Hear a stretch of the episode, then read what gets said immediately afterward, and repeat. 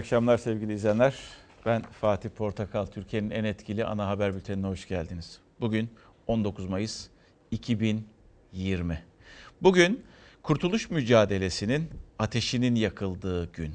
101 yıl öncesinde Gazi Mustafa Kemal'in yanındaki birkaç arkadaşıyla birlikte o tarihi Bandırma vapuruna binip İstanbul'dan yola çıkıp Samsun'a gittiği ve Samsun'a indiği gün 19 Mayıs 1919'du. 101 yıl önce, 101 yıl önce işte eğer o ve arkadaşları bu cesur adımı atmasalardı, o ve arkadaşları bu sonu çok zorlu olabilecek ve daha doğrusu o sürecin çok zorlu olacağını bildikleri halde sonlarının belki de ne olacağını akıllarına getirseler dahi yine de o yoldan dönmeyen bu insanlara müteşekkiriz, minnettarız. 101 yıl önce Samsun'a ayak bastıklarında nasıl bir ülkeyle veya nasıl bir toprak parçasını İtilaf devletlerinden kurtarmanın hesaplarını yapıyorlardı 101 yıl önce. Ve 101 yıl önce bu hareket başarılı olmasaydı, yani Gazi Mustafa Kemal ve arkadaşları bu yolculuğa çıktıklarında eğer başarısız olsalardı bizler bugün buralarda olamayacaktık. Hiçbirimiz. Hiçbirimiz Türkiye Cumhuriyeti Devleti'nin yurttaşı dahi olamayacaktık. İşte 19 Mayıs 1919'da Atatürk Samsun'a çıktığında milli mücadele ateşi de yakılmış oldu Samsun'da. Ve Nutuk'ta Atatürk Nutuk'a başlarken bu cümleyi hiç, hiç unutmam ben. Ee, o günleri Nutuk'a geçirirken şöyle başlıyor Nutuk'a. 1919 yılı Mayıs'ının 19. günü Samsun'a çıktım. Ülkenin genel durumu ve görünüşü şöyledir diyordu Gazi Mustafa Kemal Atatürk. Nasıl mıydı? Ordusu yok, silahsız. İtilaf devletleri bahane aramaktalar. Birisi İtalyanlar, diğeri İngilizler, Yunanlılar diğer tarafta ve e, işte bir şekilde ülkeyi işgal etmek için, parçalamak için elinden geleni yapmaktadır. Halk bitkin, yorgun, fakir, ve savaşlardan o yıllar süren savaşlardan işte Balkan savaşları olsun, Birinci Dünya Savaşı olsun bunlardan yorgun düşmüş. Harap ve vitap durumda. Hiçbir gücü yok. Ülkenin içerisinde kimi azınlıklar kötü düşünce, düşüncedeler ve ülkeyi parçalamak istemektedirler. İşte Atatürk böyle bir durumda, Gazi Mustafa Kemal böyle bir durumda Samsun'a çıktığında ülkenin genel durumu ve görünüşü de böyledir. İşte onun hakkında bugün ileri geri konuşanlar var ya, şu cümleyi görüp Gazi Mustafa Kemal Atatürk ve arkadaşlarına binlerce kez şükretmek, dua etmek zorundalar. Ve işte böyle bir durumdan böyle bir ülkeye geldik. 101 yıl sonra 19 Mayıs 2020'de 2020 Türkiye'sinde bugünleri yaşıyoruz çok şükür. Ve bugün çok enteresandır. Bugün hem 19 Mayıs hem de Kadir Gecesi. Bin aydan hayırlı dedikleri gece, Kadir Gecesi. 23 Nisan'da çok ilginç bir güne gelmişti. Ee, Ramazan'ın ilk akşamıydı. 19 Mayıs Kadir'e denk geldi, Kadir Gecesi'ne denk geldi. Ee, hayır olsun diyelim sevgili izleyenler. Ve e, peki tabela nedir diyeceksiniz. Yine atanın sözü, bütün ümidim gençliktedir derler ya. Bütün ümidim, bütün ümidim e, bu akşamki tabelamız. Bugün e, koronavirüsünde, evet koronavirüsünün gölgesi altında yaşıyoruz günlerimizi. Bayramlar da, milli bayramlar da ona denk geldi. E, dini bayram da ona denk geliyor maalesef. Bu kısıtlamaları altında bu kutlamaları veya anmaları yapıyoruz. E, ama e, yine de biz bu ekranlardan 19 Mayıs coşkusunu da vermeye çalışacağız. Nerelere gideceğiz? İşte Barış Kaya Anıtkabir'de e, ve Anıtkabir'den bize e, olanları anlatacak, gördüklerini anlatacak. E, Beril Ötkan Ankara'da, Ankara'da tabii sokağa çıkma kısıtlaması var ama İnsanlar 19.19 geldiğinde saat 19.19'da unutmayınız bulunduğunuz yerden İstiklal Marşı'yla 19 Mayıs'ı Atatürk'ü anma Gençlik ve Spor Bayramı'nı kutlayabilirsiniz bu şekilde. Ee, Merve Görgün Dolmabahçe'de o tarihi anı anlatacak bize o İngiliz gemilerini gördüğünde Mustafa Kemal'in neler dediğini oradan alacak ve bizi Samsun'a götürecek. o süreci anlatacak belki de duyacaksınız tekrar. Ve Gülşah Beşiktaş'ta o da bir mahallede. O da vatandaşların coşkusunu ekrana getirecek. Ama 19-19'da mutlaka nerede olursanız olun İstiklal Marşı'yla 19 Mayıs Atatürk'ü anma Gençlik ve Spor Bayramı'na eşlik edebilirsiniz sizler de. Ve önce önce oralara gitmeden önce maalesef e, bu topraklar zorlu topraklar sevgili izleyenler. Bu topraklar e, emperyalistlerin her zaman gözünde olmuş topraklar. Bu topraklarda uzunca bir süredir terör belası da var. İşte o terörle mücadele eden gençlerimiz var, askerlerimiz var. Onlardan dün Halil Çakır'ı vermiştik. E, hayatını kaybetmişti, şehit olmuştu. Yine dün Cumhurbaşkanı bilgisini verdi. Kars Kağızman'daki terörle mücadele sırasında e, şehit olan askerimiz Ferhat Çiftçi, e, jandarma yüzbaşıydı. O da şehit düştü ve bu iki asker vatan toprağına emanet edildiler. Şehit bırak!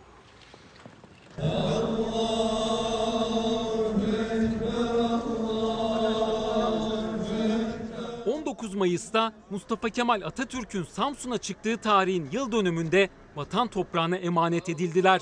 Adana ve Isparta şehitlerini bağrına bastı. Allahu Ekber. Kars'ın Kazman ilçesine bağlı Çemçe bölgesinde 29-30 Nisan tarihlerinde düzenlenen hava harekatında PKK'lı 7 terörist etkisiz hale getirildi. Sözde Çemçe grubu tamamen yok edildi. 20 gün sonra ise 3 terörist bölgeye sızma girişiminde bulundu. Jandarma Yüzbaşı Ferhat Çiftçi komutasındaki askerler teröristlere yönelik operasyon başlattı. Ancak Yüzbaşı Çiftçi teröristlerle girilen çatışmada şehit düştü.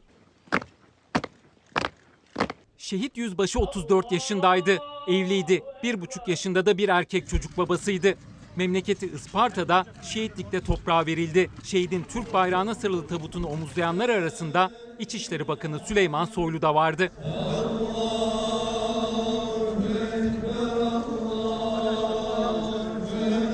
Piyade sözleşmeli er Halil Çakır da 12 Mayıs günü Hakkari'nin Çukurca ilçesinde çıkan çatışmada ağır yaralanmıştı. Tedavi altına alındığı hastanede 6 gün sonra yaşam mücadelesini kaybetti. Şehit oldu.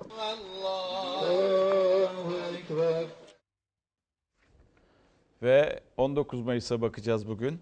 Tab dedim ya size e, cümlenin başında, haberin başında Tabii bu günler zor günler. Neticede iki aydır evlerdeyiz. iki aydır e, kısıtlamalar içerisindeyiz. Her gün değil tabii ki ama belli bir e, korona belasıyla mücadele ediyoruz. Onunla başa çıkmaya çalışırken çeşitli e, zaman zaman kısıtlamalar getiriliyor. Genelgeler yayınlanıyor. Dükkanlar kapandı. Şimdi hayatı önümüzdeki ay başından itibaren yani Haziran başından itibaren de normalleştirmeye çalışacağız. Ama bu süreç içerisinde önemli günlerimiz de oluyor. İşte onlardan biri de 19 Mayıs Atatürk'ü anma Gençlik ve Spor Bayramı. Diyeceksiniz ki ama kutlayamadık. Olsun. İlla sokağa çıkmak, illa elimizde bayrak sallayarak statlara gitmek veya yürüyüşlere katılmak önemli değil. Önemli olan bu bayramın önemli e, ehemmiyetini, önemini, gururunu yaşayabilmek. Onu da nerede yaşayacaksınız biliyor musunuz? Önce burada, ardından burada.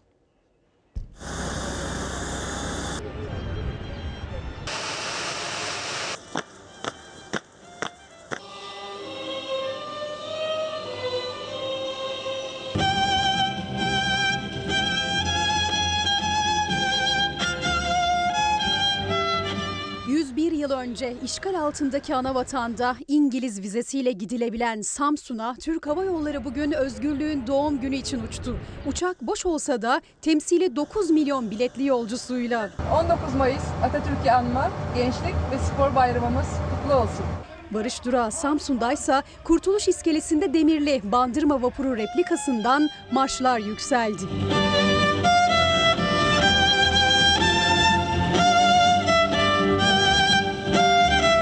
Ulusal bağımsızlığa ilk adımın atıldığı 19 Mayıs'ın coşkusunu yaşıyor Türkiye. Yürekler 101 yıl öncenin heyecanıyla atıyor. 81 ilde kutlamalar vardı.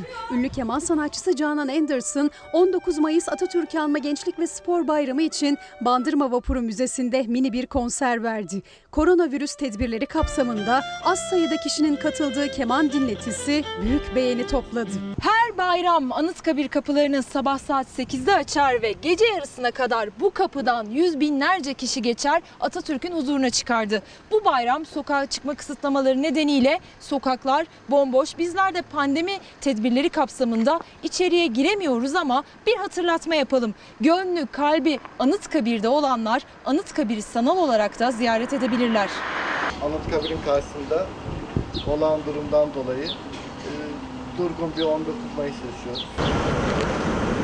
Sokaklar boş ama Anıtkabir'in tam karşısındaki bir apartmanda 19 Mayıs coşkusu camlarda yaşatılıyor. heyecan, ümit dolu atamız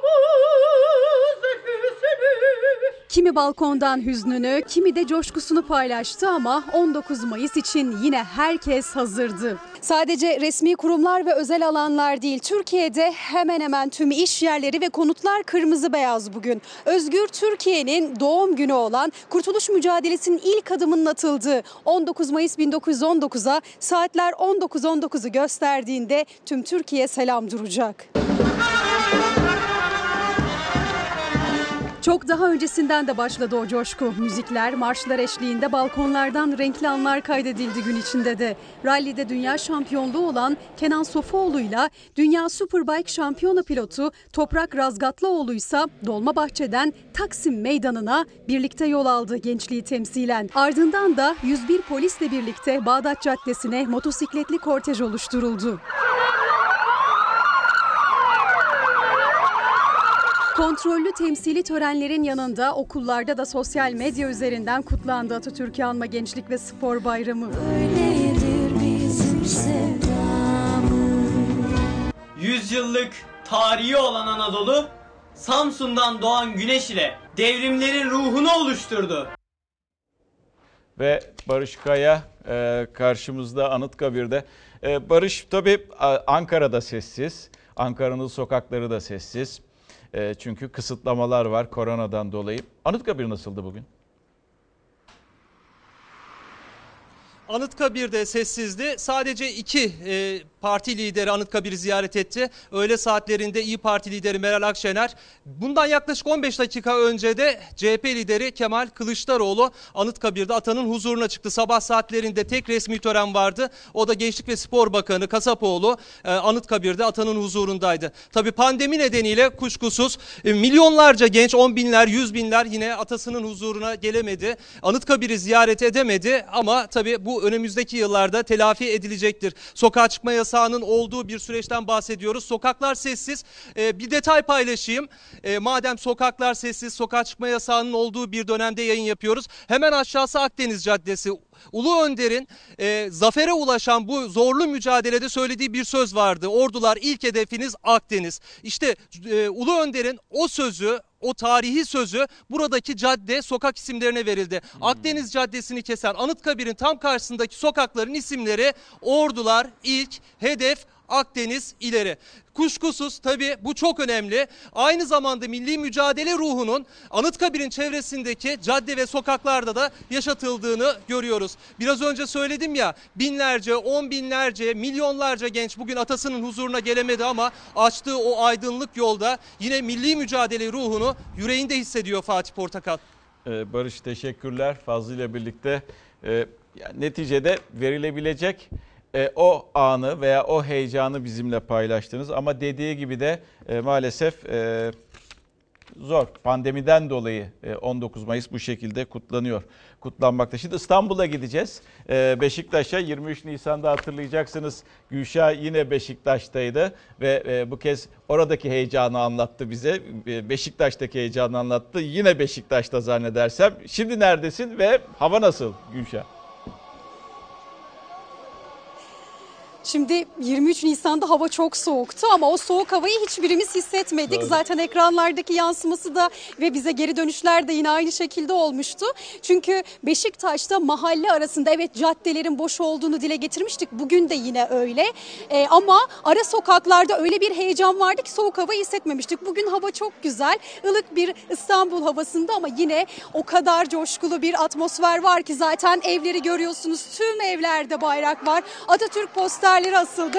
Şöyle heyecanlı noktalara doğru yine gideceğim çünkü ileriden sesler geliyor. Belediye araçları e, şarkılarla, marşlarla e, bu sokak aralarında dolaşıyor ve mahalleliler de evet heyecan artık 19-19'a az kaldı randevu saatini dolayısıyla heyecan da artıyor. Ben çok kısa hemen gençlere yine soracağım. 23 Nisan'da çocukları uzatmıştık. Efendim seni tanıyabilir miyim öncelikle? Çok Tabii maskeyi çıkarayım mı? tamam duyuluyorsa diye. Merhaba ben Ulya. Ulya. Evet Ulya. Ne demek Ulya? Ee, Ulvi Yüce. Ulvi Yüce. Evet. 19 Mayıs için de çok güzel bir isim öğrenmiş olduk. Bugün için mesajını bir Türk genci olarak evet salgında evdesin. Diğer yıllara göre farklı bir kutlamadasın ama nasıl hissediyorsun? Ee, yani bu sokakta yaşamak bana çok büyük bir güç veriyor. Herkes e, çok seviyor yani hani ülkesini belli oluyor. 23 Nisan'da da aynı şekilde sabahtan beri hatta siz de sokağa gelmeden önce sabahtan beri müzikler çaldı, marşlar çaldı. Yani kesinlikle umut doluyum. Ee, zaten bu salgında kalıcı olmayacak. Yani e, umarım hepimiz güçlü bir şekilde atlatırız. Böyle günlerde bize birlik beraberlik e, hissini daha kuvvetli aşılıyor. En güçlü de sizin olmanız lazım. Çünkü gençlerin güçlü olması demek aslında daha sağlam bir gelecek demek. Hep diyoruz ya gençler bu ülkenin geleceği diye. Şöyle ileriye gittiğimizde de yine sosyal mesafeye de dikkat ederek görüyorsunuz. Zaten sosyal medya üzerinden de canlı yapanlar var. Gençler camda Türk bayrağı tişörtüyle camları çıkan kendini genç hissedenler de yine aynı coşkuyu paylaşıyor. Gençler tabii köpeğini gezdirmeye çıkanlar da var yine aynı şekilde. E, onlar da Türk bayraklarıyla birazdan İstiklal Marşı okumak için bekliyorlar. Çok kısa heyecan var mı? Tabii ki olmaz mı? Hele ki böyle bir pandemi döneminde yine böyle aynı neşeyi yaşamak, bu kutlamayı yapmak bizim için çok büyük bir e, zevk ve mutluluk veriyor bize gerçekten. 23 Nisan'la da kıyaslayınca aslında bugünkü bu coşkuya bakınca da şunu söylemek yanlış olmaz. Özellikle salgında o kadar iyi hissetme ihtiyacımız vardı ki Türk milleti de zaten böyleydi. Her türlü zorluğa rağmen aslında milli duygular olunca işte bu manzaralarda yaşanıyor. Tabii çalışmak zorunda olan gençler de var. Onları da unutmamak lazım. Siz de onlardan birisiniz. Evet bu coşkuyu hiçbir zaman kaybetmemeye çalışıyoruz. Her zaman yani, yani sürekli aklımızda ve yani hiç yitirmemeye çalışıyoruz. Peki bugünlerde çalışmak zorunda olan bir Türk genci olarak ayrıca mesajınız ne? Ee, ayrıca mes- yani çalışmak e, ayrıca olarak mesajım ne olabilir? Şöyle söyleyebilirim.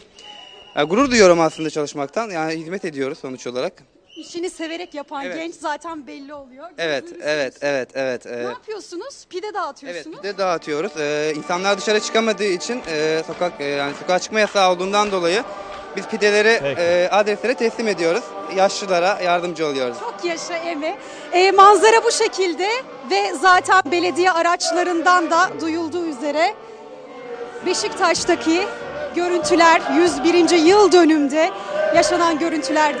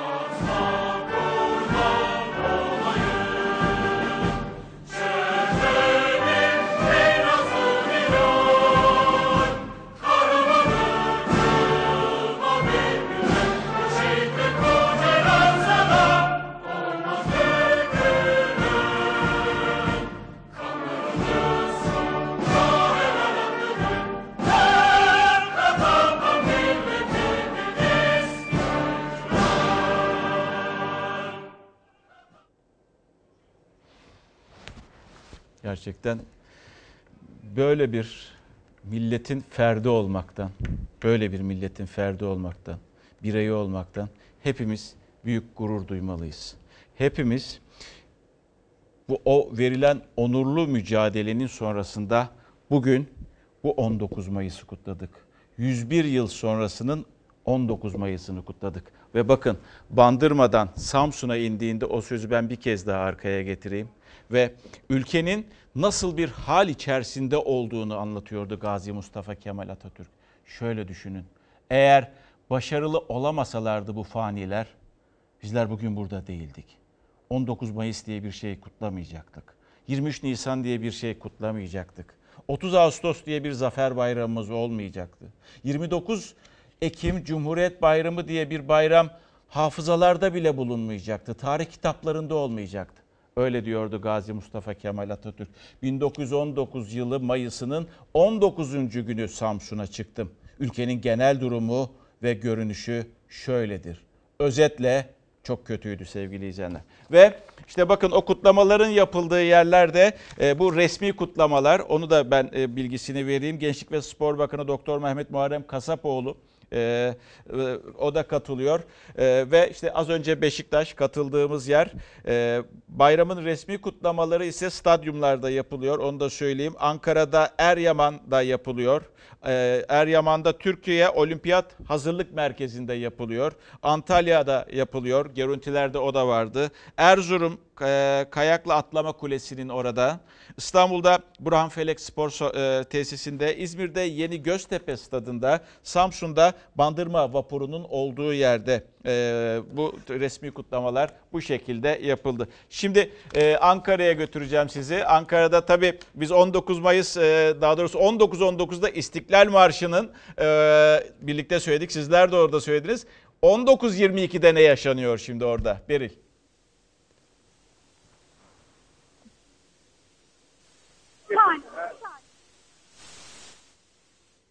Atmak biraz güç çünkü burada çok büyük bir coşku var. Ben şöyle çekileyim.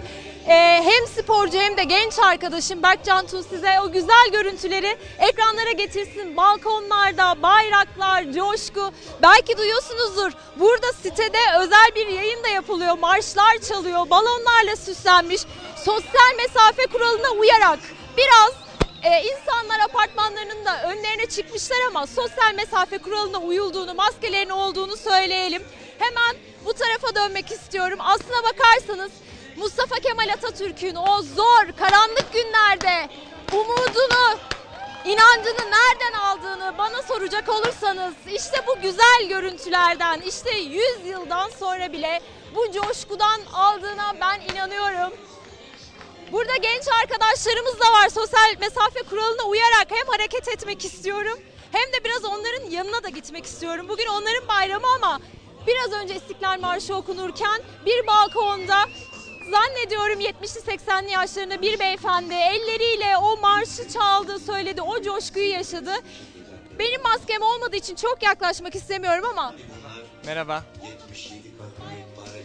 Hepimizin 19 Mayıs bayramı kutlu olsun. Maskeyi çıkarayım mı karşımda? Ha. Evet, tamam. Tamamdır. Ee, bugün ne hissediyorsunuz? bugün dünyanın gelmiş geçmiş en büyük liderinin bize e, hediye ettiği bayram. Bu bayramı e, kutlamamız için hiçbir şey engel olamaz bize virüs, başka bir şey. O yüzden herkesin 19 Mayıs bayramını kutluyorum. Ee, Atatürk'ün zaten gençlikte umudu çok yüksekti her zaman. Atatürk'ün gençlik için söylediği her söze bakabilirsiniz. O yüzden tüm gençler adına Atatürk ve silah arkadaşlarına teşekkür ediyorum. Milli mücadelenin başlangıç için çok önemli bir gündü bundan 101 sene önce. Ve şu anda da biz o milli mücadeleyi umarım e, devam ettiririz. Sürekli aynı hırsla, aynı istekle, aynı azimle. Herkesin 19 Mayıs'ını kutluyorum. Ayrıca bütün İslam aleminde mübarek Kadir Gecesi'nde kutluyorum. Teşekkür ederim. Biz de sizinkini kutlarız efendim. Ben yine şöyle uzak durayım sizden. Hayallerinizi anlatır mısınız? Bir Türk genci olarak Atatürk'ün Türkiye'sini ileriye taşımak için hayalleriniz nelerdir? Öncelikle herkese iyi akşamlar diliyorum. Tüm İslam aleminin Kadir Gecesi'ni kutluyorum. Böyle iki günü, iki özel günü bir günde yaşadığımız için çok heyecanlıyım. İnanılmaz. Biz çocukluğumuzdan bugüne hep Atatürk sevgisiyle büyüdük. İçimizde hep Atatürk sevdası vardı. Ve bundan hiç kimsenin şüphesi olmasın ki bundan çok çok uzun yıllar sonra da içimizde hep Atatürk sevdası kalacak. Ben bir Türk genci olarak hiçbir zaman Atatürk sevdasından vazgeçmeyeceğim. Son olarak şunu söylemek istiyorum. Yaşasın Cumhuriyet, yaşasın 19 Mayıs, yaşasın Türkiye. Çok teşekkür ederiz. Sağ olun. Evet Fatih Portakal gençler, umutlular, güçlüler, inançlılar, istekliler. Ee, bir yüzyıl daha, bir yüz bir yıl daha bu cumhuriyet yaşayacak İnşallah, onların inşallah. sayesinde. Ben de küçük bir not e, aktararak sözü size bırakmak istiyorum. Ben de bir kadın olarak, kendi ekmeğimi kazanan bir kadın olarak bu fırsatı bana tanıyan ve icraatlarıyla bütün kadınların yolunu açan Mustafa Kemal Atatürk'e özellikle minnetlerimi sunarak sözü size bırakmak istiyorum. Burada coşku çok yüksek. Çok teşekkür ediyorum Beril'cim harikasın. Ee, hepimiz çok şey borçluyuz. Kadın olarak, erkek olarak, genç olarak, çocuk olarak. İyi ki e, bu topraklarda yaşıyoruz. İyi ki onlar vardı. Tabii iyi ki onlardan öncekiler de vardı. Bizler bir bütünüz çünkü. Tarihin içerisinden geliyoruz, asırların içerisinden geliyoruz. Ee, bir anda var olmadık ama Türkiye Cumhuriyeti e, nin kurucusu Gazi Mustafa Kemal Atatürk'le ne kadar övünsek, onun silah arkadaşlarıyla ne kadar övünsek azdır. Böyle bir milletin bireyleriyiz, yurttaşlarıyız ki biliyorsunuz zorluklar içerisindeydi. Yani Haydarpaşa'ya geçerken o e, Galata'ya geçerken e, düşman gemilerin arasında görüp de onları yani geldikleri gibi gidecekler veya giderler e, cümlesini söyleyen bir e, kişiydi. Ama o cesareti nereden alıyordu aslında? Ona bakmak gerekiyordu. Her insan onun kadar cesaret sahibi de olamaz çünkü. E, birazdan onun da hikayesini Merve'den alacağız. Merve de bizi Dolmabahçe'de bekliyor. Oradan anlatacak. Ama Ankara'daydı. Beril ve Ankara'dan kalalım şimdi. Ankara'da çünkü bir de siyasetin 19 19 Mayıs'taki siyasete bakalım. Nasıldı siyaset havası? 19 Mayıs esarete karşı özgürlüğün, cesaretin ilk adımıdır. Böylesi derin manalar içeren bir günün gençlerimize armağan edilmesi asla tesadüf değildir.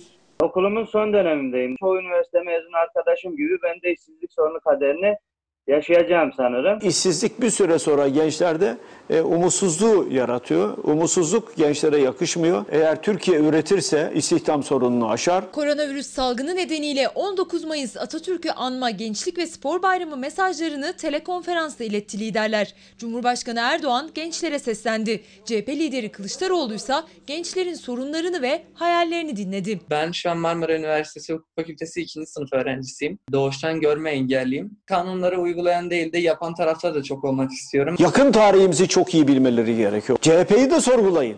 Yanlışımız varsa söyleyeceksiniz. 19 Mayıs Ilısu Barajı'nın da elektrik üretmeye başladığı gün olarak tarihe geçti. Törene Erdoğan İstanbul'dan yine telekonferansla katıldı. Yüzlerce kilometre uzaktan tören alanındaki korona önlemlerini titizlikle hatırlattı. Böyle kol kola yok, dirsek dirseğe yok.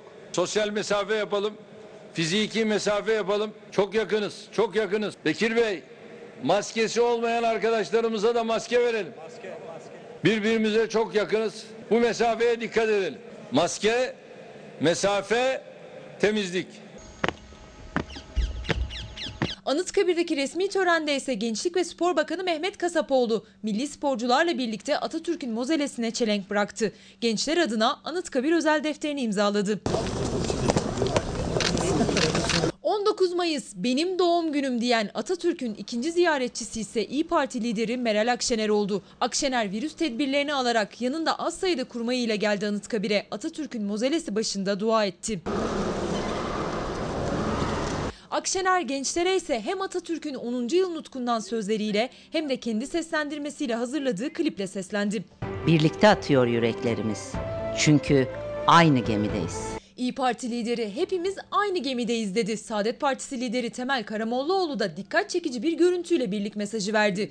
Resmi törenlerde dahi yan yana zor gelen, gelseler de aralarında soğuk rüzgarlar esen liderleri iktidar muhalefet ayırmadan görüntülerini aynı ekranda birleştirdi ve bu hayal değil dedi. Ayrıştıkça değil, birleştikçe, bir araya geldikçe hem millet olarak hem de ülke olarak güçlenebiliriz. Buna samimiyetle inanıyorum.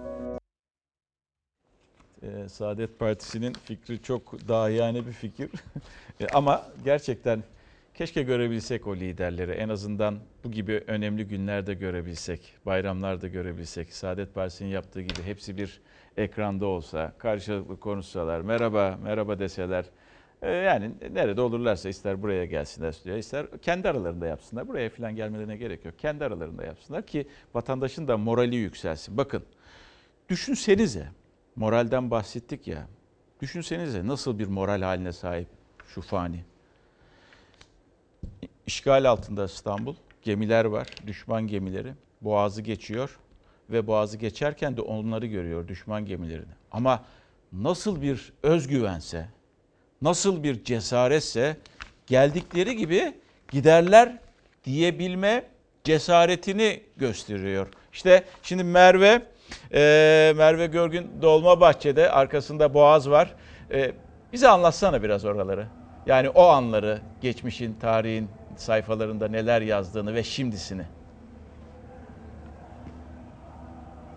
Fatih Portakal aslında 19 Mayıs 1919'un anlamını, önemini anlamak için o günlere biraz dönmemiz gerekiyor. Şöyle ki Mustafa Kemal Atatürk 101 yıl önce, bundan 101 yıl önce aslında ilk kez İstanbul'a geldiğinde burada Dolmabahçe Sarayı'nın önünde İstanbul Boğazı'nda 61 parçalık işgal donanmasının demirlemiş olduğunu gördü ve o, bu onun için aslında üzücü bir tabloydu. Çünkü Çanakkale'de düşmanı yenerek püskürttüğü e, düşman o gün karşısında e, hiçbir engele takılmadan İstanbul'a kadar gelmişti ve Mustafa Kemal bu görüntü karşısında Mustafa Kemal Atatürk bu görüntü karşısında kararlılık mesajını verdi. Bugün o hafızalardan bugün dahi silinmeyen geldikleri gibi giderler cümlesini kurdu ve öyle de oldu. Bugün baktığımızda Dolmabahçe Sarayı'nın hemen karşısında İstanbul Boğazı'nın ortasında savaş gemimizin üzerinde Türk bayrağı dalgalanıyor. Tüyleri diken diken eden bir görüntü, duygulandıran bir görüntü gerçekten ve Şundan da bahsedelim yine o günlere dönecek olursak 16 Mayıs 1919'da Mustafa Kemal Atatürk o tarihe kadar 6 ay 3 gün boyunca İstanbul'da kaldı ve o süreç boyunca 16 Mayıs'a kadar o 6 ay 3 günlük süre boyunca aslında bu milli mücadelenin Kurtuluş Savaşı'nın stratejik planlamasını yaptı, kadrosunu oluşturdu. E, tarih 16 Mayıs 1919'u gösterdiğinde de Galata'dan Bandırma vapuruna binerek Samsun'a doğru yola çıktı ki Samsun'da o dönemde yine İngiliz askerlerinin işgali altındaydı. 19 Mayıs'ta da milli mücadeleyi Kurtuluş Savaşı'nı başlatacak ilk adımı aslında orada attı. Ve bugünü de gençlere armağan etti, gençlere hediye etti. O gençler ve onun yolunda ilerleyen herkes onu anmak, ona saygısını sunmak, minnetini göstermek için her milli bayramda olduğu gibi 19 Mayıs'ta da Dolmabahçe Sarayı'nı boş bırakmıyorlar çok kalabalık oluyor burası. Ancak bugün koronavirüs salgını nedeniyle insanlar evlerinde burası sessiz. Coşku azaldı mı? Hayır hiçbir şekilde azalmadı aslında. Çünkü o coşku şu anda evlerin içinde ve o evler, evlerin, e, binaların önüne asılan bayraklarla, Atatürk posterleriyle o coşku aslında sokaklara bu şekilde taşıyor. Ve hemen şunu da belirtelim şu an duyuyor musunuz bilmiyorum. Stadyumlarda etkinlikler olacaktı. E, şu anda da hemen burada e, Dolmabahçe Sarayı'nın yanında Beşiktaş Stadyumu var. Oradan da şu an marş sesleri yükseliyor. Peki. Çok teşekkür ediyoruz Merve Görgün. Ferhan'a da çok teşekkür ediyorum. Zor zor günler aşılarak bugünlere geldik. Bizler şimdi belki rahatımız, belki değil rahatımızı yaşıyoruz. Düşünsenize işgal altındaki bir ülkeden bahsediyoruz. Padişah arkasında durmuyor. Padişah ki ölüm fermanı çıkartılıyor. Katledilmesi, kuvaycıların, kuvayi milliyecilerin katledil, katledilebilir e, yazısı yazılıyor. Ve bu şekilde Anadolu'ya bu e, sözler, bu fe, e, fermanlar ulaştırılıyor. Halka bunlar söyleniyor. Öyle zorluk altında işte bandırmaya çıktığında o sözü ben bir kez daha ekrana getirmenizi isteyeceğim sizden. Çünkü bu her şeyi anlatan bir söz. Bu Mustafa Kemal Atatürk'ün cesaretini, özgüvenini ve bu ta, biz bu bu beladan kurtulacağız mesajını veren bir söz. Yani inancını ortaya koyan bir söz. Böyle bir liderimiz olduğu için de hepimiz şükretmeliyiz. Binlerce kez dua etmeliyiz sevgili izleyenler. Diyor ki 1919 yılı Mayıs'ının 19. günü Samsun'a çıktım. Ülkenin genel durumu ve görünüşü şöyledir. Nasıldır? Harap ve bitap haldedir. 101. yılda 101. yılda yılda bir de yurda bakalım. Dedik ya 19 Mayıs ama bize her yer 19 Mayıs.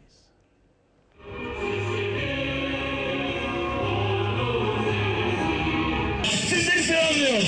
Gençlik ve Spor Bayramınız kutlu olsun. 19 Mayıs Atatürk'ü anma Gençlik ve Spor Bayramı'nı kutluyoruz Van Gölü. Kalabalıklar salgın riski yüzünden bu yıl yan yana gelemedi belki ama yürekler doğudan batıya, kuzeyden güneye aynı anda çarptı. Sokakları belediyelerin organizasyonları renklendirdi. Milyonlar 19 Mayıs coşkusuna balkonlardan eşlik etti.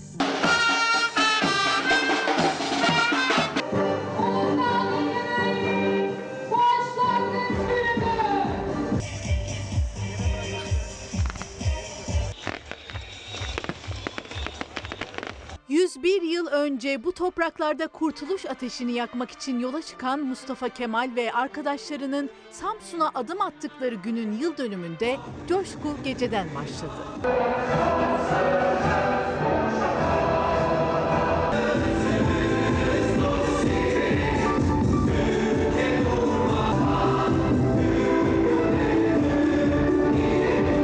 Türkiye'nin ilk ve tek yelkenli okul gemisi gece Halikarnas iskelesinden Bodrum Liman'a temsili seyir yaptı. Atatürk posteri asılan tekneden marşlar ve şarkılar çalındı. Bodrumlular bu anları hayranlıkla izledi. Anadolu'ya bir güneş doğdu.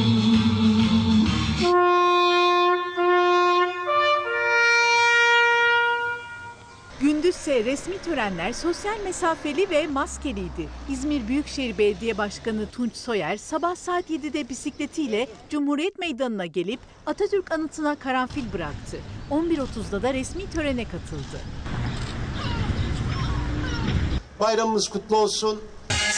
19 Mayıs Atatürk'ü anma Gençlik Bayramınız kutlu olsun. Sokağa çıkma kısıtlamasının olduğu illerde vatandaşlar ellerinde Türk bayraklarıyla balkonlarda yaşadı 19 Mayıs coşkusunu. Ankara, İstanbul belediyelerinin bando takımları sokaklarda dolaşıp şarkılar çaldı. Belediyemizin yapmış olduğu bu etkinliğe bayıldık. Ne kadar virüs de olsa bizim kutlamalarımız asla bitmez. İstanbul Büyükşehir Belediye Başkanı Ekrem İmamoğlu'nun Gençlik ve Spor Bayramı'nda İstanbullulara anlamlı bir armağanı vardı. İmamoğlu, Hacı Osman'daki Atatürk Kent Ormanı'nın açılışını yaptı. Hem 19 Mayıs'ta e, hem Gençlik Spor Bayramımızda hem atamızın isminin e, varlığını koruyacağı şehrin göbeğinde çok keyifli bir nokta. Kısıtlamanın olmadığı illerde de renkli görüntüler yansıdı kameralara.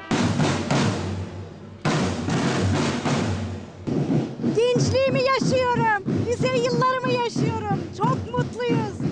Trabzon'un Vakfıkebir ilçesinde sivil bando takımı ilçe devlet hastanesinin önüne gelip sağlıkçıları alkışladı. Şırnak'ın Beytüşşebap ilçesindeki Kato Dağı'nda görevli Mehmetçik de tüm Türkiye'ye 19 Mayıs mesajı yolladı. Bizler burada vatan görevini layıkıyla yerine getiriyoruz. 19 Mayıs Atatürk'ü anma ve Gençlik Spor Bayramınız kutlu olsun. Gençlik bayramınız kutlu olsun. 19 Mayıs nedeniyle 2900 rakımlı Kato Dağı'na dev bir Türk bayrağı göndere çekildi.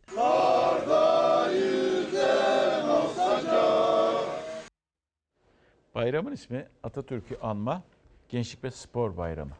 Adında hem atayı anıyoruz hem de gençlere hediye edilmiş bir bayramdan bahsediyoruz. Gençlik. Peki gençliğin durumu ne şu anda? Hani o bütün ümidim ve bizim de tabela yaptığımız gençliğin durumu ne? Bunu resmi rakamlarla anlatacağız sizlere. Resmi kurumların resmi e, rakamlarıyla ve oranlarıyla anlatıyoruz. Çabalamak, sürekli çabalamak, iş bulmak için sürekli çabalamak ve çabalarınızın neticesiz kalması ne yazık ki. Ya da kötü sonuçta e, neticelendirilmesi insanda ciddi derecede e, gelecek kaygısı yaratıyor ve umut kırıyor onu söyleyeyim ve sizle birlikte yaşayan ailenizin de umudu kırılıyor. Bütün ümidim gençliktedir sözüyle geleceğe olan inancını vurgulayan Gazi Mustafa Kemal Atatürk'ün onlara bayram olarak armağan ettiği 19 Mayıs'ta da işsizlik gerçeğiyle baş başa ümitlerini korumaya çalışıyor gençler. Raporlar genç işsizliğin özellikle de üniversite mezunu genç işsizliğinin her geçen gün arttığını gösteriyor. Bugün 19 Mayıs hepimizin bildiği gibi Ulu Önder Mustafa Kemal Atatürk'ün bütün ümidim gençliktedir dediği ve gençliğe armağan ettiği bayramın yıl dönümü. Fakat ne yazık ki Türkiye'de bugün yaklaşık 5,5 milyon genç ne eğitimde ne istihdamda yer alıyor. TÜİK istatistikleri yaş kategorilerine göre gençlerin iş ve eğitim durumunu gözler önüne koyuyor. Buna göre aslında eğitim hayatında olması gereken 15-19 yaş arası gençlerin %9'u yani 544 bin genç eğitimi bırakmış istihdamda. %18,6'lık oransa ne eğitim görüyor ne de çalışıyor. Genç olmak e, ve beraberinde işsiz olmak e, netekim ki ülkede artık alışılagelmiş bir durum ve bu size ağır geliyor inanın bana. 20-24 yaş arasındaki 5 milyon 648 bin genç %35,3'lük bölümü yani pastanın en büyük kısmı okumuyor da çalışmıyor da. Her 4 gençten biri işsiz Türkiye'de. Yaşadığımız dönemde ne yazık ki Türkiye'de gençlerin payına işsizlik, geleceksizlik, umutsuzluk, bir yığın borç ve psikolojik sorunlar kalıyor. Ve ne yazık ki bu gençlerden biri de benim. Ortak kaderi paylaştığım milyonlarca genç olduğunu biliyorum. Genç İşsizler Platformu'nun da hem İşkur hem TÜİK verilerinden derlediği Mayıs 2020 raporuna göre üniversite mezunu işsizlerin sayısı 766 bin. İşsizlikle birlikte iş arama süreleri de artıyor gençlerin. Bir yıldan fazla süredir iş arayan 15-34 yaş arası genç sayısı her geçen gün daha da artıyor. Bu serüvenim yaklaşık bir buçuk senedir devam ediyor. Ee, görüştüğüm firmaların birçoğu işte biz sizi ararız, geri dönüş yaparız e, gibi e, cevaplar veriyor ama kesinlikle söylüyorum hiçbiri geri dönüş yapmıyorlar. Geri dönüş yapanlar da e, işte sizden asgari ücretin ya asgari ücret ya da asgari ücretin bir tık üstü. Ana muhalefette 19 Mayıs raporu hazırladı. Her 4 gençten biri ve her 3 üniversite mezunu gençten biri işsiz. CHP'nin raporuna göre işsizlik nedeniyle öğrenim kredisi borçlarını da ödeyemiyor gençler. 342.282 gencin 2 milyar 95 milyon lira borcu var. Gençlerin e, istihdamsızlığına e, yöneticilerin bir son vermesini istiyoruz. E, çağrımız budur. Gençlerin hali de bu. Bugün 19 Mayıs'ı de dedik. Birazdan reklamlara gideceğiz ama reklamlardan sonra bu sefer hem de bugün hani bin aydan hayırlı denilen Kadir Gecesi. Kadir Geceniz mübarek olsun bu arada. Hırkayı Şerif Camii'ne götüreceğiz sizleri. Fatih'e çok önemli bir cami. Peygamberin hırkasının muhafaza edildiği e, cami. Saat 20.26'da e, iftar vaktinden önce gideceğiz. Nazlı yere basmaz. O kendine has üslubuyla anlatacak e, o hikayeyi ve e, oradan da ezan sesini hep birlikte duyacağız. Önce reklam ardından saat 8'de tekrar e, geliyoruz. Haberlere devam ediyoruz.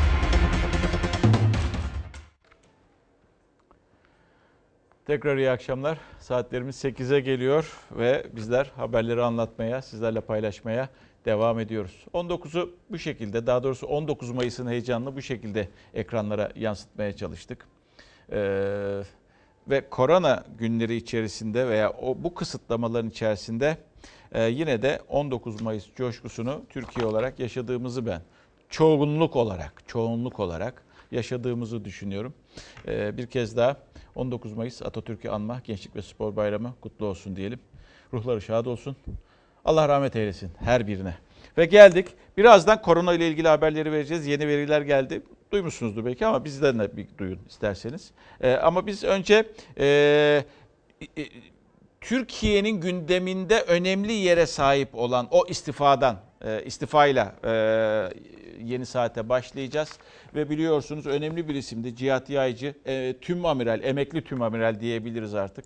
Bu fetometreyi bulan kişi, e, Türk Silahlı Kuvvetleri içerisinde e, FETÖ yapılanmasıyla mücadele eden kişi. Daha sonra mavi e, vatan e, kavramını geliştiren olgunlaştıran bir kişiden bahsediyoruz. Fikir babası önemli bir isimdi.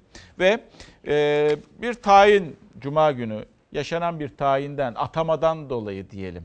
Yani Deniz Kuvvetleri'nden Genel Kurmay, Başkanı'ydı. E, Genel Kurmay'a ataması yapılmıştı. Kabul etmedi. Cumhurbaşkanı imzasıyla tabii. Kabul etmedi ve istifa etti hafta sonu e, itibariyle de. Dün akşam yayın içerisinde veya yayının sonlarına doğru bu dilekçesi ortaya çıktı. Hatta kendisi paylaştı diye ben, e, yok e, ama dilekçesi ortaya çıktı. O da hayır demedi. Bakın e, nasıl dert yanıyor aslına bakacak olursanız. Diyor ki dilekçesinde yani kendisinin bu ataması ile ilgili veya kendisine kurulan bu olayla ilgili çünkü yazıldı çizildi vesaire FETÖ'vari kumpasları çağrıştırırcasına diye bir cümlesi vardı emekli tüm amiralin.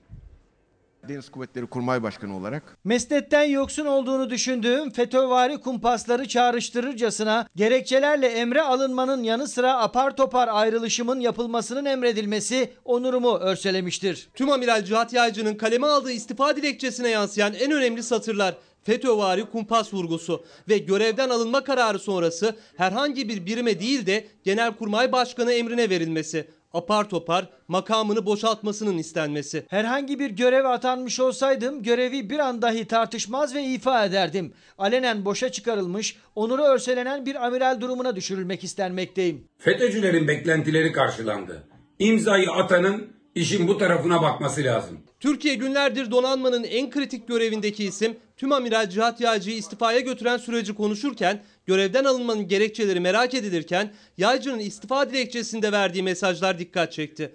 Kurmay Başkanlığından Genelkurmay'ın emrine verildiğini, gece 3'te öğrendiğini, Deniz Kuvvetleri Komutanı'nın dahi haberi olmadığını söyledi. Adeta kumpas kurularak yalan ve iftiralar neticesinde görevden uzaklaştırılmış bir amiral olarak mesleğimi icra edemeyeceğim açıktır. Silahlı kuvvetler mensubu olmaktan müthiş bir gurur duyuyorum. Bir ihale sürecine itirazı ve bunun bahane edilip görevden alındığı iddiası gündemde. Milli Savunma Bakanı Hulusi Akar'ın da fazla öne çıkmasından rahatsız olduğu iddiaları var ama ne gerekçe açıklandı ne de Akar konuştu. Yaycı, onurum örselendi, FETÖ'cüler sevindi dedi. Sayın Cumhurbaşkanımızın iradesi çerçevesinde başlayan Fethullahçı terör örgütü mensuplarına karşı mücadelemde başarılı olduğumu bugün hainlerin yaşadıkları sevinçten daha iyi anlıyorum. 40 yıl taşıdığı üniformayı çıkarmanın burukluğuyla kaleme aldığı istifa dilekçesinde FETÖ ile mücadelesi gibi Mavi Vatan projesi Libya mutabakatında oynadığı rolü anlattı yaycı. Son mesajı ihtiyaç olduğunda göreve hazırım oldu. Bir sivil olarak ihtiyaç duyulabilecek ve fırsat bulduğum her alanda hizmete devam edeceğimi belirterek istifamın kabulünü arz ederim. Yaycı'nın görevden alınma süreci gibi istifa dilekçesi de çok konuşulacak gibi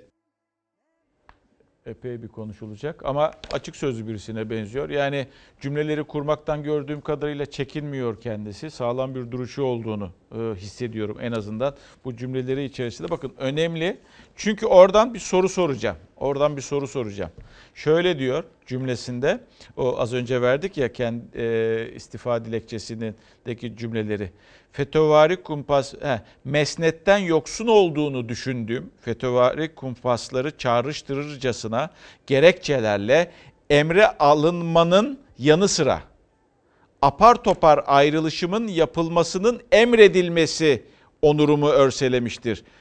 Emredilmesi kim emretti? Şimdi alınmasını Deniz Kuvvetleri Komutanlığı Kurmay Başkanlığından alınmasını kim kim e, emretti? Genel Kurmay Başkanı'nın dahi haberi yoktu diyor. Geriye bir kişi kalıyor o zaman. Kim?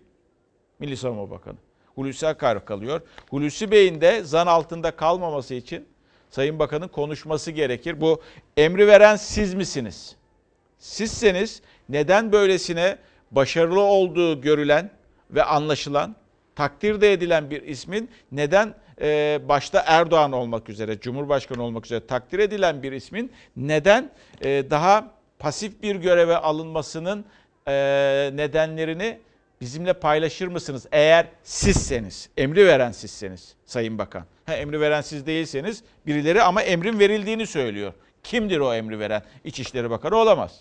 Adalet Bakanı da olamaz. Gençlik ve Spor Bakanı da olamaz. Çevre ve Şehircilik Bakanı da olamaz sevgili izleyenler. E kim olabilir? Geriye bir tane e, ilgili bakan Milli Savunma Bakanı kalıyor. Onun da açıklık getirmesi gerekir. Böyle açıklıkta konuşacak bakın ama bu kadar net konuşacak. Konuşabiliyorsa tabii ki ilgili kimse. Geldik işte FETÖ'vari kumpaslar demişti. O kumpasların geçmişte neler olduğunu aslında biliyoruz. Ha şimdi e, Devlet Bahçeli e, bazı isimleri hedef almaya başladı. Ya çünkü bu isimler hedef alındıkça bir de işin içerisinde seçimler, meçimler cümlelerin içerisine geçince ister istemez Türkiye'de seçim bir kere kullanıldığı zaman e, artık bunun geri dönüşün olmadığını gördük, öğrendik. Askerlik, bedelli askerlik konuşulur. Bir kere çıktığı zaman onun olduğunu gördük. Af bir kere çıktığı zaman onun olduğunu gördük. Şimdi üç ismi itham etti. Projeye uygun parti isimleri bunlar dedi. İşte Meral Hanım'ın partisi, Ali Bey'in partisi, Ahmet Bey'in partisi. Projeye uygun parti isimleri bulmuşlar dedi. Siz diyorsunuz şimdi hangi projeden bahsediyor? FETÖ projesini söylüyor kendisi. FETÖ'nün siyasi ayağı temizlenmelidir. Yeni kurulan partilerin isimleri bir projeye uygun seçildi. Yoksa bu kadar tesadüf olmaz. İyi olacak, gelecek olacak, deva olacak. Devlet Bey isimlerimizden bahisle bizim bir FETÖ projesi olduğumuza dair takım değerlendirmelerde bulunmuş. Türk milleti bir isimle daha anılacak olsaydı o isim ihtilafsız iyilik olurdu. Sayın Bahçeli'nin bu kelimelerle, rakamlarla uğraşan garip bir zihin dünyası olduğunu biliyoruz. Deva Partisi açısından e, ithamları komik buluyoruz. Saçma sapan ithamlarla muhalefeti kriminalize etme çabası aynı zamanda bir demokrasi nasipsizliğidir. MHP lideri yeni partileri ve isimlerini yan yana sıraladı, isim analizi yapıp FETÖ projesi dedi. Üç partiden tepki gecikmedi. Cumhur İttifakı'na karşı güçlü bir muhalefet unsuru oluşturmak maksadıyla düşünülmüş FETÖ projesidir. Pensilvanya kaynaklıdır. Sayın Devlet Bahçeli FETÖ meselesiyle ilgili hassasiyetlerini daha önce defalarca zikretmiş olduğu siyasi bir iktidarın bugün beraberliği içerisinde kendisine itiraz eden herkese FETÖ'cülük isnadında bulunuyor. Bahçeli'nin bu sözleri FETÖ mücadelesine de hiçbir katkı sağlamaz. Bu yapın olduğundan daha büyük, daha güçlü ve daha sanki etkili olduğu izlenimini doğurur. Anlıyoruz. Sayın Bahçeli e, keyfi otoriterizmi savunuyor. E, Bunu yaparken kimseye hakaret etmek zorunda değil. Bu ülkenin vatandaşları olarak o ortak aklı işletmemiz lazım. Bu masanın adını da memleket masası diyorum ben. Meral Akşener'in memleket masası kuralım çağrısıyla Kılıçdaroğlu'nun baskın ya da erken bir seçim durumunda seçime katılabilmeleri için Davutoğlu ile Babacan'ın partilerine milletvekili verebiliriz sözleri Bahçeli'ye göre Millet İttifakı'ndan memleket masasına gidişin işareti. 139 milletvekilinden 15-20 kişiyi verebilir. Verilenlerden sonra mecliste grubu olan partiler olacak. Gelecek Partisi, Babacan'ın partisi, İyi Parti, CHP. HDP'yi biraz dinlenmeye alacaklar. Çünkü HDP gündemde olduğu müddetçe bunlara karşı bir alerji oluyor. İktidar ortaklarının asıl maksadı e, gündemi saptırmaktır. E, toplumun gerçek gündemi açlıktır, yolsuzluktur, yoksulluktur, devasa hukuksuzluklardır. Bu konularla ilgili çözüm üreten e, partileri e, gündemi saptırarak konuşulmamasını sağlamaktır. Erken seçim tartışmaları, darbe, üçlerin tekrar iktidara gelmesi. Bu konuda bir AK Parti sessiz. Neden sessiz bilmiyorum. Bunlar bir şeyleri saklıyorlar. Bahçeli'nin çıkışları FETÖ suçlamaları yeni partiler cephesinde gündemi gerçek sorunlardan saptırmak olarak yorumlandı. Siyaset yine dalgalandı. Şimdi bir şey dikkatinizi çekti mi acaba? Bugün e, sevgili Tülay ile Ankara'da konuşurken, e, Ankara gündemini alırken konuşurken dikkatimizi çekti. Sizinle de paylaşmak istiyorum. Şimdi Cumhurbaşkanı, partili Cumhurbaşkanı Recep Tayyip Erdoğan bu üç ismi gündemine çok fazla almıyor. Yani kim? Meral Akşener'i, Ali Babacan'ı, Ahmet Davutoğlu'nu. Geçmişte yaptığı gibi alıyor. Dikkate almıyor. Yani biliyorsunuz Meral Hanım'ı geçmişte hiç dikkate almıyordu. İşte İmamoğlu'nu, Sayın İmamoğlu'nu da geçmişte hiç dikkate almamıştı. Şimdi bu ismi e, kendisi dikkate almasa da Devlet Bahçeli bu isimleri zikrederek sahanın içerisine çekiyor. Böyle bir e, beyin fırtınası yaptık. Yani biri sahanın dışında tutmaya çalışırken Erdoğan bu üç ismi, diğeri iyilik mi yapıyor, kötülük mü yapıyor artık onun kararını siz veriniz. e, Devlet Bahçeli bir şekilde konuşturuyor isimlerini geçirerek ve duymayanlar da duyuyor. Bu şekilde sahanın içerisine yani siyasetin içerisinde aktif olmalarını sağlıyor aslında e, Devlet Bahçeli. Bu benim e, işte dikkatimi çekti. E, sevgili Tülay'la da paylaşmıştık bunu. E, belki sizlerin de dikkatini çekmiş olabilir tabii ki. Geldik. Sert tartışmalar var siyasette. Diyeceksin ki her zaman vardı. Yani yeni değil ki. Evet. Yine belli suçlamalar ana muhalefet partisine terör suçlamasında bulundu. Ana muhalefet partisinden de cevap gitti. Cevap gitti diyeceksiniz ki kimle ilgili? Eren Yıldırım biliyorsunuz CHP Yüreğir, Adana Yüreğir Gençlik Kolu Başkanı tutuklandı cezaevinde ve bu tutuklanma olayı üzerinden e, iktidar partisine yüklendi. Darbe döneminde yapılan işlerdir bunlar diyor Kemal Kılıçdaroğlu. PKK'lıların Van'da yaptığı eylem ile CHP'lilerin Adana'da gerçekleştirdiği saldırı farklı araçlarla olsa da aynı gayeye yöneliktir. Biz Kuvayi Milliyeciyiz. E biz ülkemizi, vatanımızı, bayrağımızı seviyoruz. Cumhurbaşkanı Erdoğan, Van ve Adana Yüreğir'de yaşanan iki farklı olay üzerinden terör örgütü PKK ile CHP'yi aynı safa oturtup yüklenmeye devam etti. CHP lideri Kılıçdaroğlu ise suskunluğunu Kuvayi Milliye çıkışıyla bozdu. Duello darbe restleşmesiyle daha da sertleşti. Buldukları her fırsatta darbe, junta, kaos, felaket çığırtkanlığı yapanlar cevabı milletimizden alacaklardır. 12 Eylül darbe dönemini de 12 Mart darbe dönemlerinde bilen birisiyim. O dönemlerde yaşananlar şimdi Türkiye'de yaşanıyor. İktidarın kendisine muhalif olarak gördüğü her kesimi bir şekliyle susturmak, hapse atmak gibi bir alışkanlığı var. Küçük siyasi çıkarlar uğruna eli kanlı teröristlerle ve uzantılarıyla gizli açık ittifaklar içine girenleri bugün 3-5 milletvekilliği veya belediye başkanlığı için düştükleri zelil hali ibretle takip ediyoruz. Erdoğan CHP'yi siyasi çıkarları için terör örgütüyle, siyasi uzantılarıyla işbirliği yapmakla, gündemi terörize etmekle suçladı. Kılıçdaroğlu gençlerle buluşmasında Adana Yüreğir'de yaşanan olayla ilgili bilgi verirken Eren Yıldırım'ın Erdoğan'ın talimatıyla tutuklandığını söyledi. Kaymakamlığın önünde dağıtılan e, yardım paketleri ile ilgili soru soruyor. Kaymakamın koruması silah çekerek Eren'i e, tehdit ediyor. Erdoğan zaten e, malum bir konuşma yaptı. Arkasından talimat gitti Ankara'dan. Eren Yıldırım tutuklandı ve hapse kondu. Milletvekili pazarı kurmaktan terör örgütleriyle ittifaka, ülkesini yurt dışında karalamaya kadar her türlü kepazeliği sergileyip üzerini demokrasi kılıfıyla örtmeye çalışanlar için yolun sonu görülmüştür. Bir milletvekili pazarı varsa o pazarın alıcılarının Cumhur İttifakı'nın ortakları olduğu bellidir. Erdoğan'ın terörle ittifak yapıyorlar, milletvekili belediye başkanı pazarı kuruyorlar. Çıkışı CHP'den sert karşılık buldu. Türkiye sadece salgını yenmekle kalmayacak. Bu hastalıklı siyasetin temsilcilerinden de kurtulacaktır. Dönmüş şimdi millet sandıkta kurtulacak sizden. Milletin sandıkta kurtulacağının kim olduğunu en iyi sen biliyorsun. Erdoğan CHP düellosunda ekonomi başlığı altında da ayrı bir sayfa açıldı. Kılıçdaroğlu'nun 16 maddelik ekonomik buhrandan çıkış reçetesine Erdoğan Ilısu Barajı'nın ilk türbin açılışında yaptığı konuşmayla cevap verdi. Bir ekonomik buhranın yükünü en fazla işçi, çiftçi, özetle geniş halk kitleleri çeker. Çiftçilere ne yaptınız? Ne yaptığımızı anladın mı Bay Kemal? İsraftan bahsediyor. Bu yatırımlar mı israf? 79 yılda bunların nesi vardı? Türkiye ciddi bir ekonomik buhranla karşı karşıyadır. 17 baraj açılışını daha yapacağız. Onları da göreceksin Bay Kemal ve diğer muhalifler. Bunlar ülke için değerli e, varlıklar, eserler sevgili izleyenler. Cumhurbaşkanı da öyle söylüyor.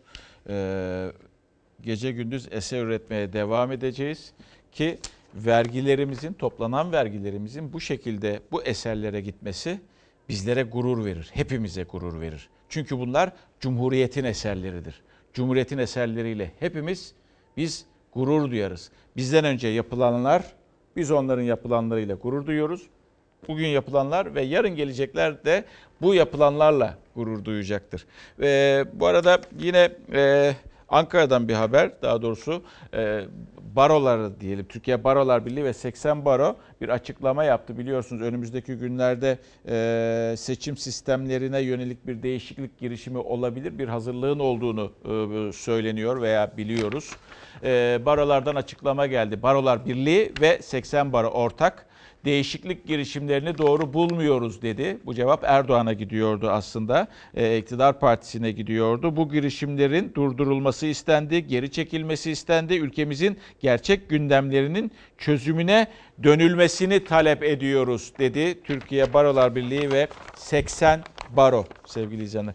Geldik. E, bir e, bir mesaj okuyalım. Bir mesaj okuyalım. Ondan sonra koronaya gideceğiz. Sizlerin de merak ettiği var tabii ki. Ne demiş vatandaş? Bütün ümidim demiş Osman Bey. Onca unutturmaya, onca karalamaya rağmen her gelen nesilde gençlerimizin milli değerlere daha da bağlandığı görülmektedir. Bayrağımıza, marşımıza, atamıza, vatanımıza. Ümidim gençliktir demiş Osman Bey gönderdiği mesajla. Ve korona güncesinde ne oldu? Ee, e, Sağlık Bakanlığı az önce açıkladı. E, son e, sayısal verileri açıkladı. 25 bin civarında bir e, test yapıldı. Son 24 saatte vaka 1022. 28 vatandaşımız hayatını kaybetti. Artık e, aşağı iniyor gibi e, izlenim o şekilde ve 1318 vatandaş e, 1318 vatandaş iyileşti.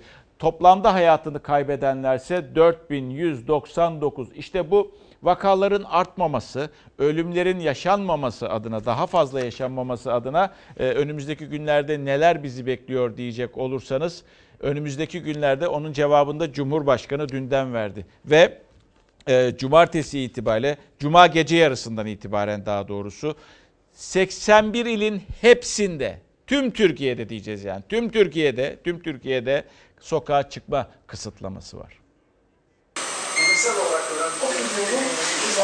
1022 yeni vaka, 28 yeni ölüm. İşte Türkiye'nin son koronavirüs tablosu. Toplam vaka sayısı 151.615'e ulaştı.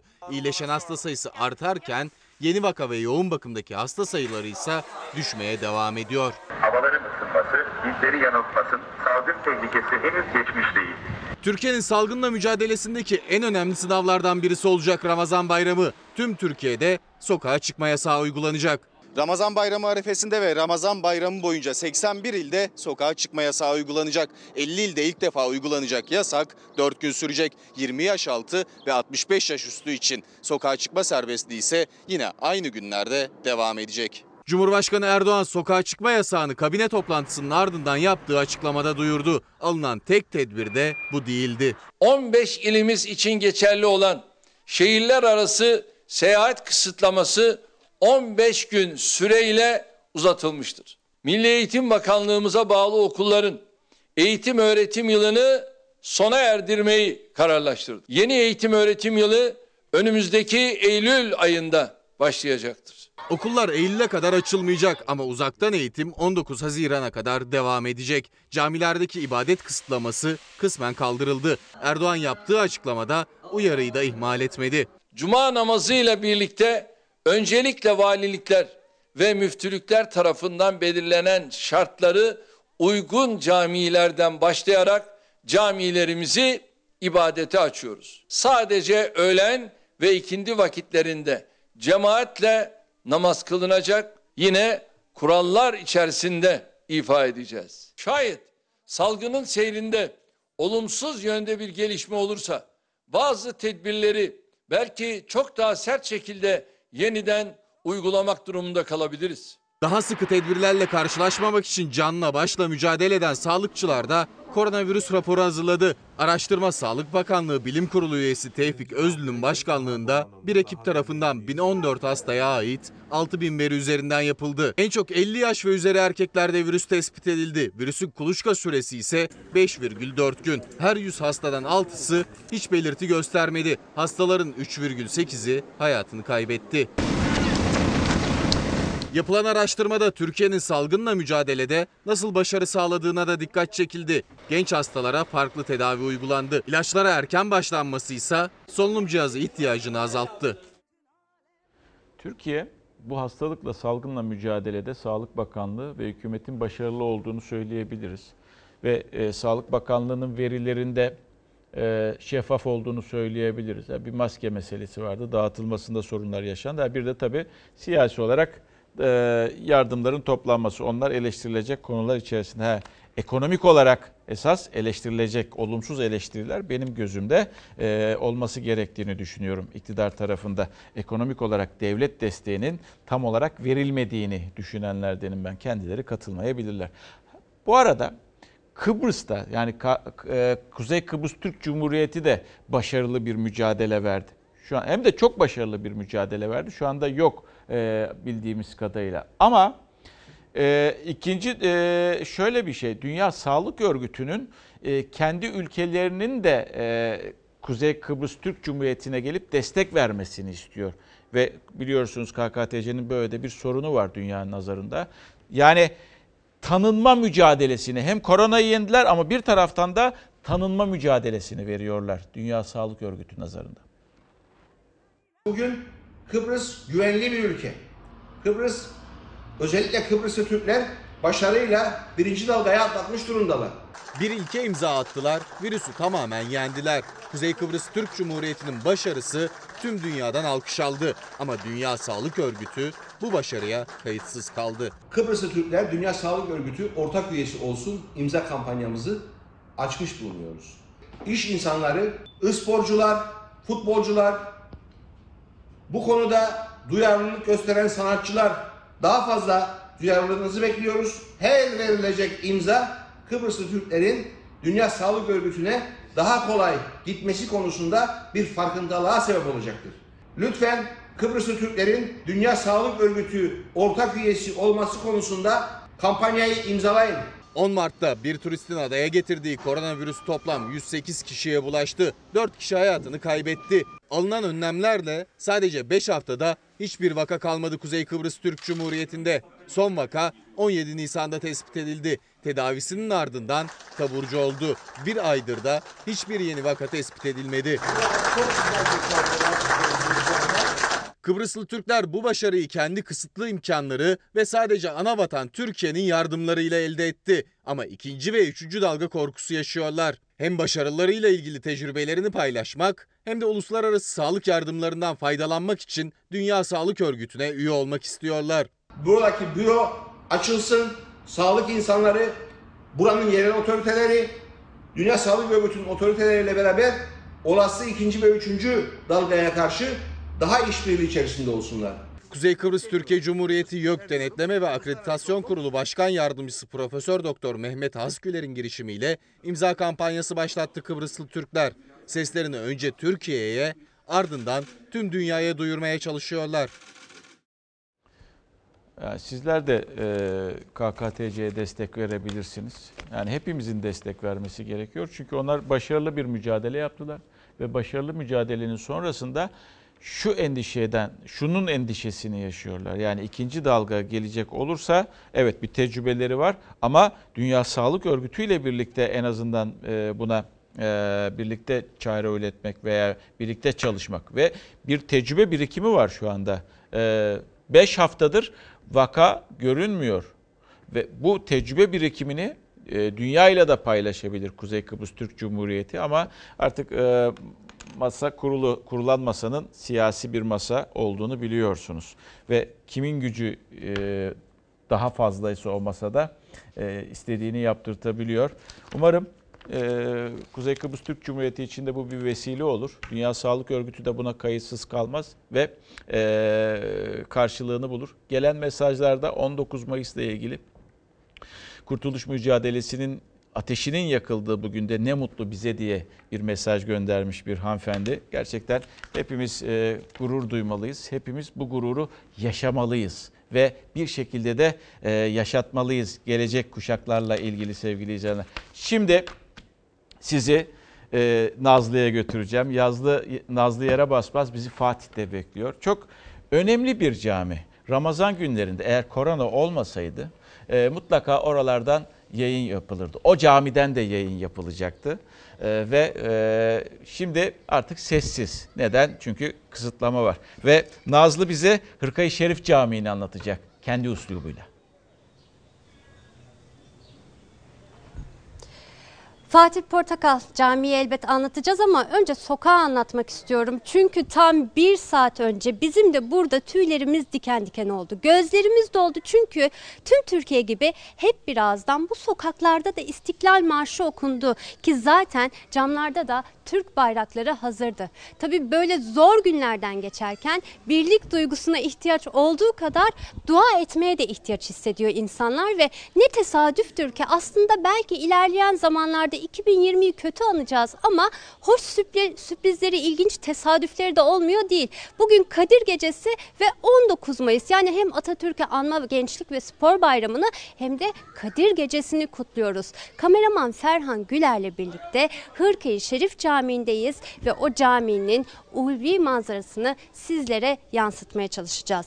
Adıyla müsemma Hırkayı Şerif Camisi çünkü bir hırkayı Peygamber Efendimiz Hazreti Muhammed'in hırkasını muhafaza etmek için inşa edilmiş bir cami burası. Şimdi rivayet şu. Veysel Karani Yemen'de doğmuş, çok yoksul ama her kazandığı lokmayı da yoksullarla paylaşmayı kendine görev edinmiş cömert bir deve çobanı. Kalbi de peygamber aşkıyla dolup taşıyor ve o aşkla yollara düşüyor Veysel Karani. Kutsal topraklara ulaşıyor. Peygamber Efendimiz'i görmek için kapısına kadar da dayanıyor. Çalıyor kapıyı ama Hazreti Muhammed Efendimiz o gün yok.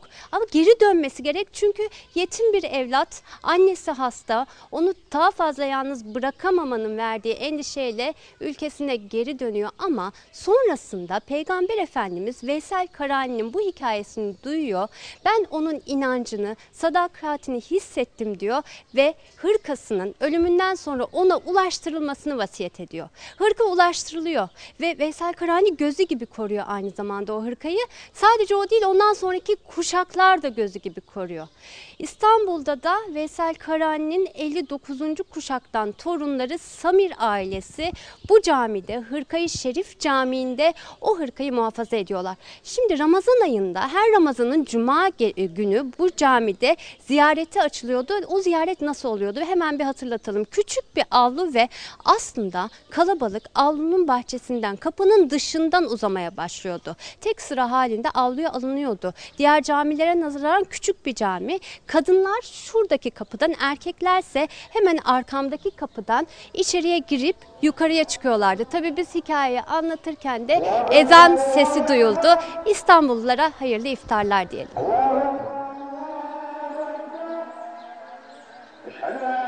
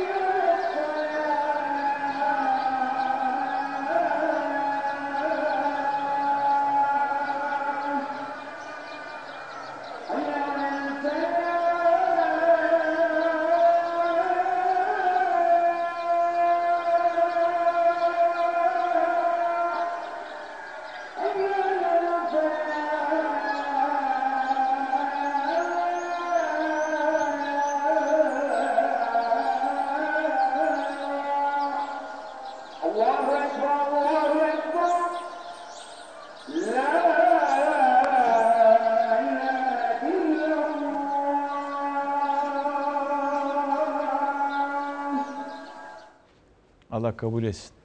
Ve e, ne yapalım? Bir karşılaştırmayı yapalım. E, saatlerimiz 8.30'a gelirken 20.30'a gelirken bu karşılaştırmanın önemli olduğunu düşünüyoruz. Bize moral veriyor çünkü. 18 Mayıs'ta e, aşağı yukarı e, test sayıları aynı 19 Mayıs'la baktığımızda ve işte o test sayılarına göre vakada bir azalmanın olduğunu görüyoruz. Testin vakaya göre oranına baktığımızda ise %4, 0,02 civarında %4,02 civarında. hayatını kaybedenler 18 Mayıs'ta 31 yurttaşımızdı. Bu 24 saatte ise 28 yurttaşımızı kaybettik. Bu da tebessüm ettiren, yüzümüzü güldüren bir veri. 24 saatte iyileşenlerin sayısı 1318. Ama genele baktığımızda tabii ki 4171'di dün itibariyle hayatını kaybeden yurttaşların sayısı toplam bugün itibariyle 4199 vatandaşımız 4199 vatandaşımız hayatını kaybetmiş oldu. Bir de e, hep onun üstünde duruyoruz zaten biliyorsunuz. İyileşenlerin çok olması bizi mutlu ediyor diyorduk. Her zaman için bunu dile getirdik. O bizi mutlu ediyor. Toplam iyileşen sayımız 18 Mayıs itibariyle 111.577 idi. Koronavirüsünden kurtulup ailesiyle birlikte huzurlu yaşamına dönenlerin sayısı. Bugün itibariyle 112.895 vatandaş toplamda iyileşti. Bu da önemliydi. Bugün e, zor bir yayın yaptık ama hatasız bir yayın yap. Minimum hatada e, olduğunu düşünüyorum. Bir taraftan Kadir Gecesi'ydi. Diğer taraftan 19 Mayıs'tı. Atatürk Anma Gençlik ve Spor Bayramı'ydı. O e, bir taraftaki o coşkuyu, diğer taraftaki maneviyatı ekrana getirmeye çalıştık. Sürçülisan ettiysek affola diyelim. Ama e, bu canlı yayınlarla da e, zannedersem e, yaşanan anın heyecanını sizlere verdik diye düşünüyorum. Bizden sonra ne izleyeceksiniz? Kafalar Karışık Türk sineması ekrana gelecek. İzleyebilirsiniz. Yarın daha mutlu, daha huzurlu, daha güvenli bir dünya ve tabii ki Türkiye'de buluşmak umuduyla. Hoşçakalın. Bir başkadır benim memleketim.